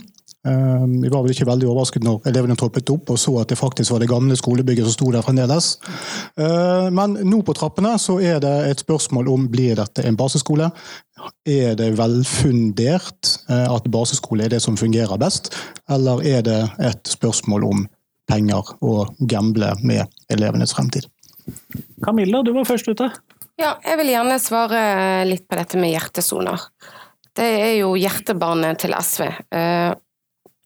Og det var et forslag som vi fremmet, og vi fikk eh, innført. Eh, Og det vi ser nå, det er at det ikke blir fulgt opp, men vi vil altså bevilge mer penger og bidra til at det faktiske fysiske tiltak skjer, sånn at vi kan redusere trafikk eh, ja, altså øke trafikksikkerheten rundt skole. Absolutt alle, og der må vi sette inn penger. Så enkelt er det. Ehm, ja, det var egentlig det jeg ville svare på, med hjertesoner. Syns ikke Ap har gjort en god nok jobb på det. Linn Kristin? Eh, nei, jeg skal, jeg skal spare meg for å komme med noen spydigheter. Av og til så er det sånn at når man begynner å jobbe med noe, så viser det seg å være mer komplisert, bl.a. pga. forskjellige myndigheter og Statens vegvesen og det ene og det andre. Eh, så det handler ikke om at vi ikke har hatt lyst til å gjøre mer med hjertesonene. Det, det er helt nødvendig. Det er for mange skoler i Bergen i dag som har en uakseptabel trafikksituasjon rundt skolen. Eh, men jeg kan forsikre både deg og SV om at det står ikke på vilje eller ønske. Det står om at det, det rett og slett er ganske komplisert når det er forskjellige myndigheter involvert. Eh, så er det sagt innledningsvis. Eh, og så eh, Jeg er oppvokst på Flaktveit, jeg har vært mye nede på Rolland skole og jeg er veldig klar over hvordan situasjonen er der. Og vi jobber på så godt vi kan med, med Hjertesoneprosjektet på Rolland og flere av de andre skolene som vi, vi holder på å gjøre det samme på. Så til bas, baseskoler, eller fleksible areal, som vi, som vi kaller det for. Jeg eh, var på et møte for eh, tre to-tre måneder siden eh, og sa at jeg mente vi trengte en diskusjon om hvorvidt vi skulle bygge nye skoler som baseskoler. Og Da hoppet det én lærer opp i ene enden av rommet og en annen lærer i andre enden av rommet. Den ene gikk på en skole med, med nye fleksible areal, eh, og den andre på en skole med klasserom. Eh, og Meningene der var akkurat like forskjellige som disse to så ut. Den ene mente at fleksible areal var fantastisk, fordi at da har du en høyere arealnorm per elev enn de tradisjonelle, litt eldre klasseromskolene våre. Eh, og så har du mindre areal per elev på, på de eldre klasse, klasseromsskolene. Jeg har ikke et svar på det i dag, fordi at vi arrangerer et eget møte nå om ikke så veldig lenge, hvor det er invitert inn skoler rundt omkring i hele Bergen som har begge deler, fordi at vi skal gå i gang med arbeidet med den nye skolebruksplanen. Eh, og da vil vi eh, derfor høre på erfaringene fra de skolene som har ulike løsninger i dag, hva de mener fungerer, hva de ikke mener fungerer. Eh, og deretter tar vi en beslutning om det. Så jeg har ikke lyst til å på en måte plumpe uti med noe eller argumentere veldig sterkt for det ene eller det andre. Vi har lagt fleksible areal til grunn eh, på de nye skolene som har blitt bygget i det siste, men eh, jeg vil at vi skal ha den diskusjonen på ordentlig vis. Nå må jeg skuffe de som har flere spørsmål. Eh, eller kommentarer. Eh, og det er rett og slett fordi at jeg lovet at vi skulle være ferdige etter sånn halvannen time ish. Eh, og der begynner vi å nærme oss. Podkasten har et fast avslutningspunkt, og det er at jeg stiller et fast spørsmål. Og for tiden er det faste spørsmålet hva skal ut av skolen? Og hva er vel morsommere enn at de som bestemmer over skolen skal få lov til å velge seg ut noe som skal ut. Sånn at August, du har fått sagt minst, du får starte. Ja, takk. Eh, eh, nå, det jeg har eh, forberedt meg på, sett på, er, det handler om videregående skole, så jeg håper jeg blir eh, tilgitt for det. Eh, for det jeg vil ha ut av videregående skole, er at jeg vil ha eh, ut fra videregående skole, altså på studiespesialiserende, at man skal ha færre fag som er obligatorisk. Jeg mener at i dag så er det på videregående skole så er det veldig mange fag som alle, alle må ta. og at jeg mener det er bedre at eh, elevene selv får større frihet til å velge fag. Så Derfor har Venstre ønsker om å gå inn for en slags med sånn studiepoengmodell, at man har noen sånne basefag, typisk sånn matte, norsk og engelsk, som alle må ta. Og så utover det så kan du få fordype deg selv mer i de fagene du ønsker. Og det er litt fordi at det vi tenker om videregående skole, er ikke at det er alt det skal være sånn allmennkunnskap så alle må igjennom, men det handler mer om, som jeg snakket om i sted, at vi må lære hvordan vi skal lære. Og da er det ikke så sentralt akkurat hvilke fag det er. Om vi sitter igjen og husker, for det er ikke så mange også bruker i hverdagen, eh, detaljkunnskapen om fotosyntesen eller hvem som var tsar i Russland da revolusjonen begynte der. Men at vi har ja, så Derfor vil vi heller la folk velge de fagene de er interessert i. For jeg tror at når folk får velge det selv, så vil de også bli mer motiverte og trives mer på skolen. Marte, din tur. Er det lov å svare mobiltelefonen? Ja, det er lov. da svarer jeg definitivt det. Ja, nei, men det var kort. Det var hyggelig. Linn Kristin? Eh, ikke noe som er i skolen i Bergen lenger nå, men hele debatten om anonymisert retting. Ja, det hender at vi kommer tilbake til. Den vil jeg ha langt vekk. Camilla? Hva vil ja, du nei, jeg, vil, eh, jeg måtte tenke eh, lenge på den, og skulle gjerne hatt ute skolegudstjenester, mobbing, seksuell trakassering, men jeg har valgt lekser. Det sa jeg i sted. Og Grunnen til at jeg valgte at lekser, hjemmelekser skal ut av skolen, det er fordi at ikke alle barn som er unt å ha ressurssterke foreldre som hjelper dem. Og Ved å gjøre leksene på skolen, så får de like god hjelp av sine dyktige lærere til å få hjelp til de leksene. Og Vi har hørt så mange historier om alle de Ok, så Jeg er trebarnsmor og en hund i tillegg. Eh, og når vi kommer hjem, så har jeg sånn ca. to og en halv time til å se alle barna mine inn i øynene, lage middag, spise middagen, følge de på trening, børstebesøk og lufte denne hunden oppi alt det. Så det er ikke så veldig mye tid igjen. Og da har jeg lyst å ha tid til å snakke med alle ungene mine om hvordan de har det. Jeg hørte Høyre sa jeg ser at det viktigste for Høyre er at de gjør det bra på skolen. For SV er det viktig, eh, viktigste er at barn har det bra på skolen. For jo bedre du har det, jo mer klarer du, og mer kan du utvikle dine egne evner og talenter. Eh, ja. Eh, og selvfølgelig at barn de fortjener fritid. Så når du kommer hjem fra skolen, så skal du ha tid til lek. Skolen har all, altså Vi har allerede tatt ifra barna så mye lek, og jeg vil, etter at jeg har snakket med dem, selvfølgelig, så vil jeg at de skal ha tid til å leke òg. Tusen takk. Og lekser ut av skolen. Eh, Da vil jeg gjerne si tusen takk til panelet mitt. Jeg har en gave til dere, jeg må bare finne ut hvor jeg klarte å plassere den i stresset med å starte opp her. Jeg kan avsløre at det er en Lektor Lomsdalen-kopp. Eh, Jeg tenkte dere trengte flere kaffekopper. Eh, Tusen takk for at dere kom i dag.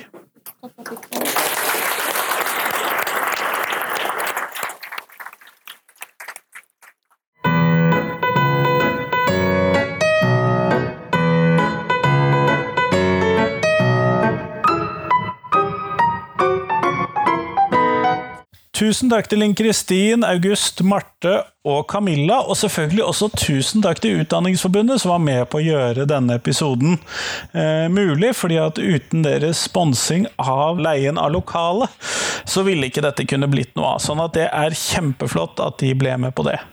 Ellers så er det nå allerede på tirsdag neste episode av podkasten kommer, sånn at eh, du får en god helg i mellomtiden. Hei, hei!